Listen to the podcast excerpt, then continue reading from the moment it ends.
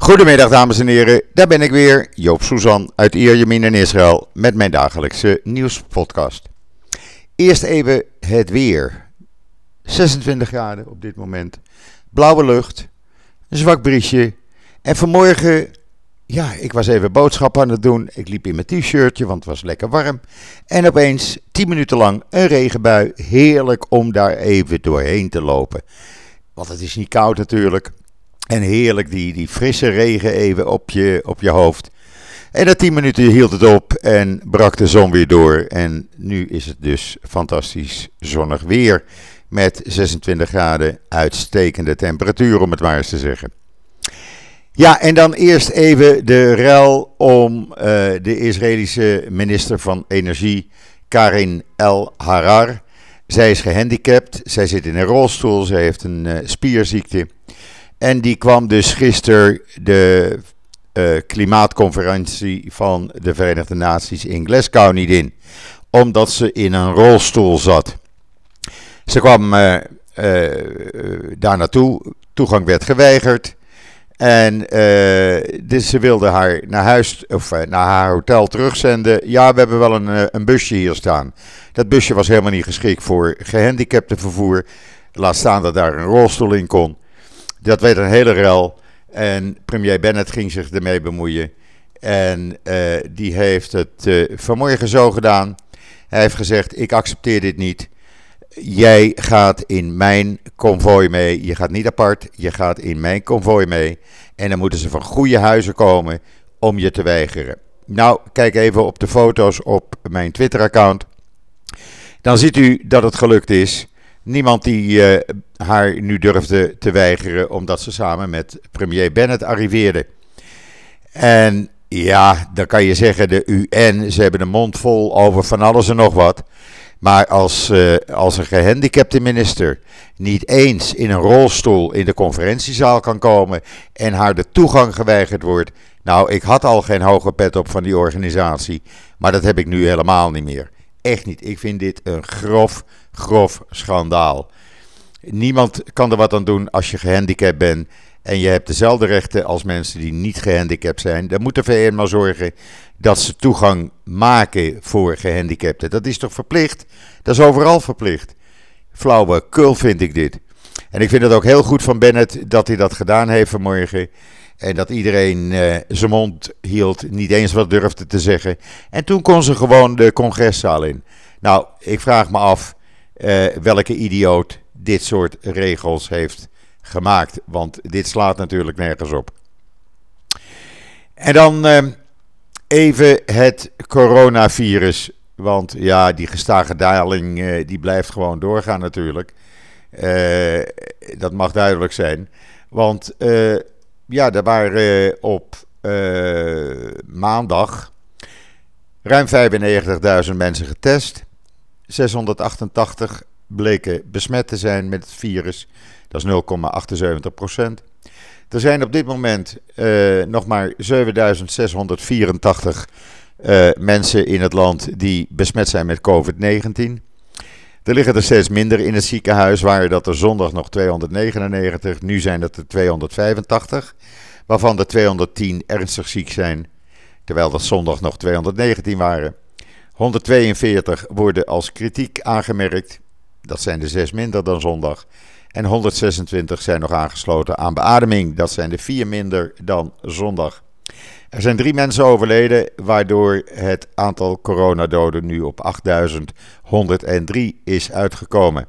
Opnieuw zei het ministerie dat 82% van de patiënten in de ziekenhuizen niet zijn gevaccineerd. Laat u niet uh, voor de gek houden door al die uh, zogenaamde uit Israël afkomstige staatjes. En gisteren kwam er zelfs een video met een gefingeerde uh, subtitles en aan elkaar geplakt en gelijmd. Waaruit zou moeten blijken dat juist door de derde vaccinatie iedereen in het ziekenhuis komt. Het is niet waar. Uh, dan uh, pratend over COVID. De Israëlische experts zeggen: luister, we zijn nu op de goede weg. We zijn uit die vierde golf. Maar hou alle strikte maatregelen die je hebt genomen, regering, hou die intact. En dan kunnen we misschien op een redelijk normale manier de winter doorkomen. Nou, ik denk ook dat ze dat intact zullen houden. Wat wel heel goed is, dat in Israël nu de mogelijkheid bestaat voor mensen die zeggen: Ja, ik ben één keer gevaccineerd en ik heb COVID gekregen. En ik eh, moet geen tweede of derde vaccinatie. Ik wil dat helemaal niet. Uh, ja, die kunnen tot nu toe geen groen paspoort krijgen. Nou, dat hoeft uh, geen probleem meer te zijn. Iedereen uh, die denkt dat hij COVID-19 heeft gehad, kan een serologische test laten doen. Als daaruit blijkt dat er voldoende antilichamen in hun bloed zitten, en ze hebben slechts één vaccinatie gehad, krijgen ze ook het groene paspoort. En kunnen ze dus ook op vertoon van het groene paspoort overal naartoe. Dat zal waarschijnlijk een hele hoop vaccinatieweigeraars eh, doen switchen om toch maar dat groene paspoort nu eh, aan te gaan vragen en die serologische test te laten doen. Want dat is natuurlijk altijd goedkoper dan dat je elke keer je moet laten testen om eh, uh, te zorgen dat je ergens naar binnen kan. Want ik zag net een bericht langs, uh, langskomen. Uh, waaruit bleek dat tijdens het Amsterdam Dance Event, wat een paar weken geleden in Amsterdam werd gehouden, zijn minstens 1027 mensen besmet geraakt met COVID-19. Waarschijnlijk zijn dat veel meer, want zegt de Nederlandse media, een heleboel mensen geven niet op waar ze zijn geweest en waar ze het kunnen hebben opgelopen. Dus misschien een paar duizend zelfs. Maar ja, zonder dansen kunnen we niet leven schijnbaar. Dus ja, dat is het resultaat uh, van het Amsterdams Dance Event. Er is trouwens een nieuwe Israëlische studie waaruit blijkt dat het Pfizer-vaccin bij jongeren tussen de 16 en uh, tussen de 12 en 18 jaar, sorry, uh, uitstekend werkt. Het is voor 90% effectief. Nou, die studie is gepubliceerd in het New England Journal of Medicine. En uh, het voorkomt ook 93%, voor 93% in de verspreiding van uh, het virus tussen de 7, en 3, 7 dagen en 21 dagen na de tweede vaccinatie. Nou, is natuurlijk hartstikke goed. Hoe hebben ze dat gedaan? Ze hebben 185 mensen getest. De helft daarvan was twee keer gevaccineerd. En de andere helft was niet gevaccineerd. Nou, daar kan je het verschil meteen zien. Hier in Israël, ze blijven testen, testen, testen. Want ja, uh, testen is weten. En dan iets heel bijzonders. Voor het eerst in de geschiedenis zal volgende week, een, uh, of op de 14e begint dat, 14 november, een uh, Israëlisch defensiebedrijf, uh, Israel Aerospace Industry, die zal deelnemen aan de defensieshow in Dubai, de Dubai Air Show. Dat is nog nooit gebeurd in een Arabisch land. Dit is hoe normaal eruit ziet. En dat is allemaal het gevolg van de Abraham-akkoorden. Het gaat hartstikke goed wat dat betreft. Er wordt steeds meer en uh, steeds verder samengewerkt tussen de Emiraten, Bahrein en uh, Israël. En dat is natuurlijk hartstikke goed. En dan is in Israël Nieuws het tweede deel van Joden in het Verzet verschenen, van Bas Belder. Het uh, tweede deel heet Licht Aus. Wie zoekt daar nu een Jood achter? Heel interessant. Ik heb begrepen dat, uh, dat merk ik aan het aantal bezoekers naar deze uh, artikelen. Uh, dat honderden mensen dit heel interessant vinden. En daar zijn wij alleen maar blij om natuurlijk. Want daar doen we het voor. Dus lees het op israelnieuws.nl. Het tweede deel. Het derde deel komt donderdag, eind van de middag, online. Dan weet u dat vast. En dan heeft de Shin Bet. Ja, ze zitten ook niet stil. Een uh, illegaal in Israël verblijvende Palestijn uit Gaza opgepakt. Die een, uh, in oktober uh, het een en ander in de fik heeft gestoken. Bussen, uh, soeka's en nog wat andere zaken in de, bussen, in de brand heeft gestoken in Ramla. Daarnaast was hij belast door de terreurorganisatie Shahada al-Aqsa om uh, aanvallen te gaan voorbereiden op is Israëlische doelen, ontvoeringen, bomaanslagen, doodschieten van Joden. En dat moest hij dan organiseren, maar hij had nog geen wapens ontvangen toen hij werd gearresteerd. En had ook nog geen geld. Hij zit nu vast, dus die is de komende jaren even van de straat, zullen we maar zeggen. En dan de aartsbisschop van Canterbury. Die maakt zijn excuses. Ja, nou, dat is het naar de maaltijd, vind ik dan altijd. Want hij heeft eerst gezegd, uh, vergeleken de holocaust met uh, climate change. En nu zegt hij, ja, eigenlijk had ik dat niet moeten zeggen. Uh, hij zei zelfs dat het erger is dan de holocaust. Nou, ik vind dat soort dingen gaan een beetje te ver. En dan is er in Israël een nieuw plan gelanceerd. Gisteren door de minister van Financiën en Binnenlandse Zaken. Om de huizencrisis aan te gaan pakken. En hoe willen ze dat doen? Nou, heel simpel. Uh, ze hebben gezegd: we maken een plan waarin er tussen tot 2025 zo'n uh, uh, 300.000 woningen worden gebouwd. Daarnaast zorgen we dat de plannen voor nog eens 500 woningen worden bevorderd. En dat er 300.000 woningen op overheidsgrond, op grond van de staat, worden aanbesteed. Uh, daarnaast, en dat viel niet goed bij een hele hoop mensen, wordt Airbnb-verhuur en het omzetten van je huis als bed en breakfast in het centrum van het land verboden. Daardoor zullen er enkele duizenden woningen in de verhuur kunnen komen. Nou, dat viel niet goed in goede aarde natuurlijk. Dat konden we gisteravond op televisie zien. Bij die mensen die allemaal uh, hun woning via Airbnb proberen te verhuren. Maar ja, het is nu eenmaal zo. Uh, er is een woningtekort. De prijzen schieten uh, sky high.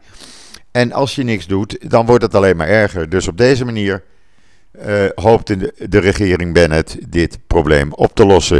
Er zijn veel positieve reacties. En natuurlijk van de woningzoekenden. Want iedereen wil toch wel een appartementje of huisje hebben. En dan is er in uh, Jeruzalem een speed dating group. Uh, maar niet om verliefd te worden. Maar uh, ja, tussen Palestijnen en Joodse jongelui. Om elkaars taal beter te leren kennen. En dat is een heel groot succes. Men spreekt met elkaar, dan gaat er een fluitje, dan ga je weer met iemand anders zitten en dan ga je weer verder praten.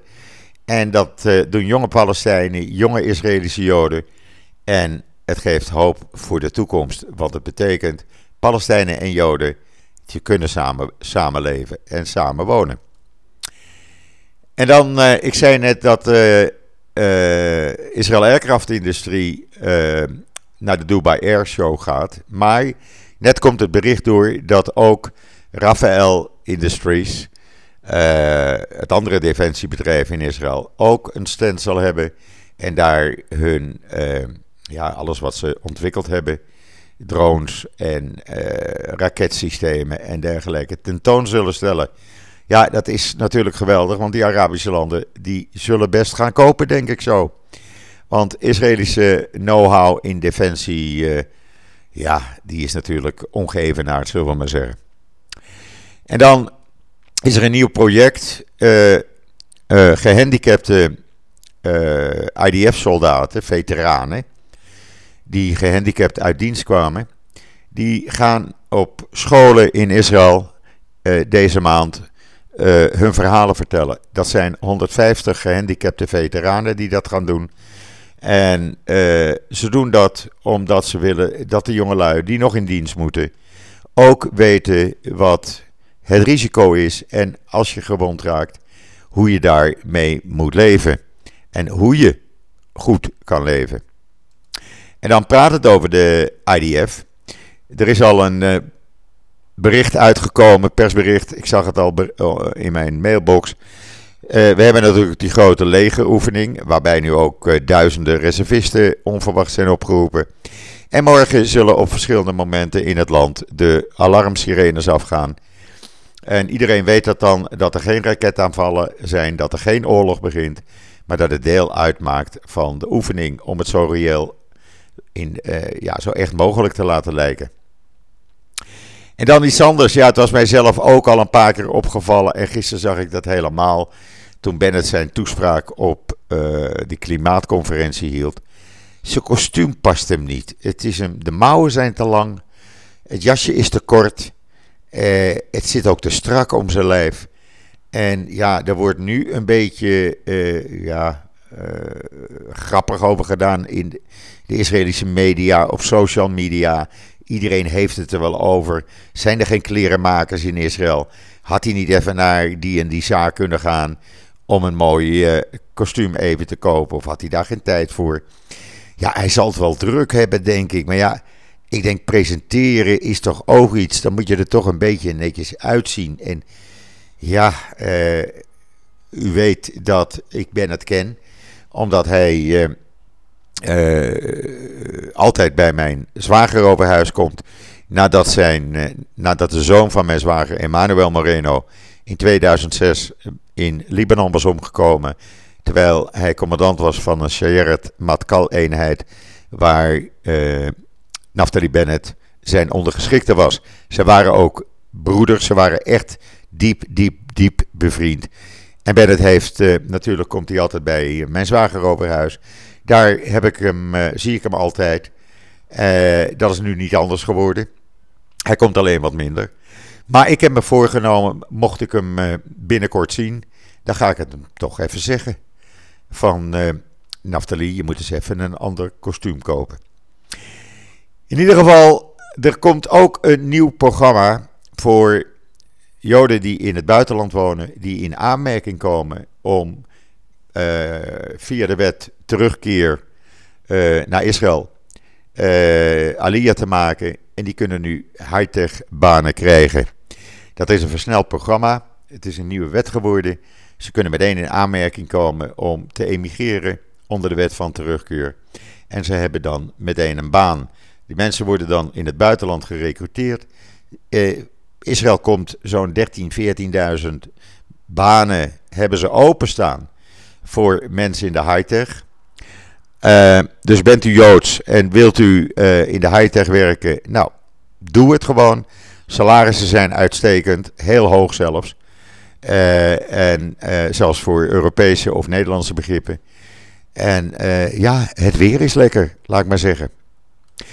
En dan de orthodoxe en de ultra-orthodoxe, vooral de ultra-orthodoxe leiders die zijn natuurlijk helemaal over de rode. Eerder werd, al aangekondigd dat de minister van Religieuze Zaken, Matan Kahane, ook al vroeger uh, Sayarat Matkallit, het kosher certificatensysteem op de helling gaat gooien. Waardoor niet meer alleen de ultra-orthodoxen daar zeggenschap over hebben en hun zakken ermee kunnen vullen, maar ook andere bedrijven, commerciële bedrijven. Maar nu heeft hij gezegd: ik ga uh, de 90 raadsvoorzitters uh, van uh, Joodse gemeenten in Israël, die ga ik vervangen door academici, zelfs vrouwen. Die kunnen die posities gaan krijgen. En die religieuze raden die gaan over religieuze diensten, waaronder het huwelijk, de begrafenis, etc. besnijdenissen. En ja, die 90 hoofden worden nu uh, van die religieuze raden, die zijn al op de hoogte gesteld. En er mogen ook vrouwen in gaan zitten. En waarom ook niet? We zitten in 2021 en ik vind dat uitstekend. Maar ja, de uh, ultra-orthodoxen die pikken dat natuurlijk niet. Die hebben, hebben hem al uitgescholden voor kat en voor hond. En je deugt niet en je bent niet joods. En nou ja, die zien hun machtscentrum natuurlijk verdwijnen. En dat vinden ze niet fijn. Maar uh, ja, de meerderheid van de Israëli's zijn niet uh, orthodox. Dus wat dat betreft is dat een, een goede zaak. Ja, en dan begint vandaag het eerste debat over het, de begroting. Eindelijk na drie jaar weer een begroting. Dat gaat uh, door tot vrijdagmorgen. Bennett komt in de loop van de middag terug, begin van de avond. Die zal dan meteen daar aanwezig zijn. En dat wordt een marathondebat. Uh, en zoals het er nu uitziet, wordt die begroting aangenomen. Maar je weet niet wat Netanyahu en consorten proberen om achter de schermen mensen, leden van de coalitie, partijen in de Knesset, met allerlei mooie beloften los te weken of tegen te laten stemmen. Het is pas een dan deal als het gedaan is, luidt het spreekwoord, en dus ook met dit. Maar mogelijk vrijdagmorgen weten we of Israël voor het eerst na drie jaar weer een begroting heeft nadat Netanyahu dat weigerde in de afgelopen drie jaar. We gaan het meemaken, we gaan het zien. Hou Israël nieuws in de gaten. Er komen vandaag nog om drie uur, of om twee uur en drie uur interessante artikelen op. En ook de komende dagen. Ik ga het niet verraaien. Maar er zijn weer allerlei nieuwe ontdekkingen gedaan hier. En uh, dat komt allemaal op israelnieuws.nl. Ik krijg het rechtstreeks van Government Press Office. Ja, zit ik toch alweer 21 minuten tegen jullie aan te praten. En uh, betekent dit het einde van de podcast voor vandaag. Ik ben er morgen weer. Wens iedereen nog een hele fijne voortzetting van deze dinsdag, de 2 november. Ben er morgen weer en zeg zoals altijd: tot ziens, tot morgen.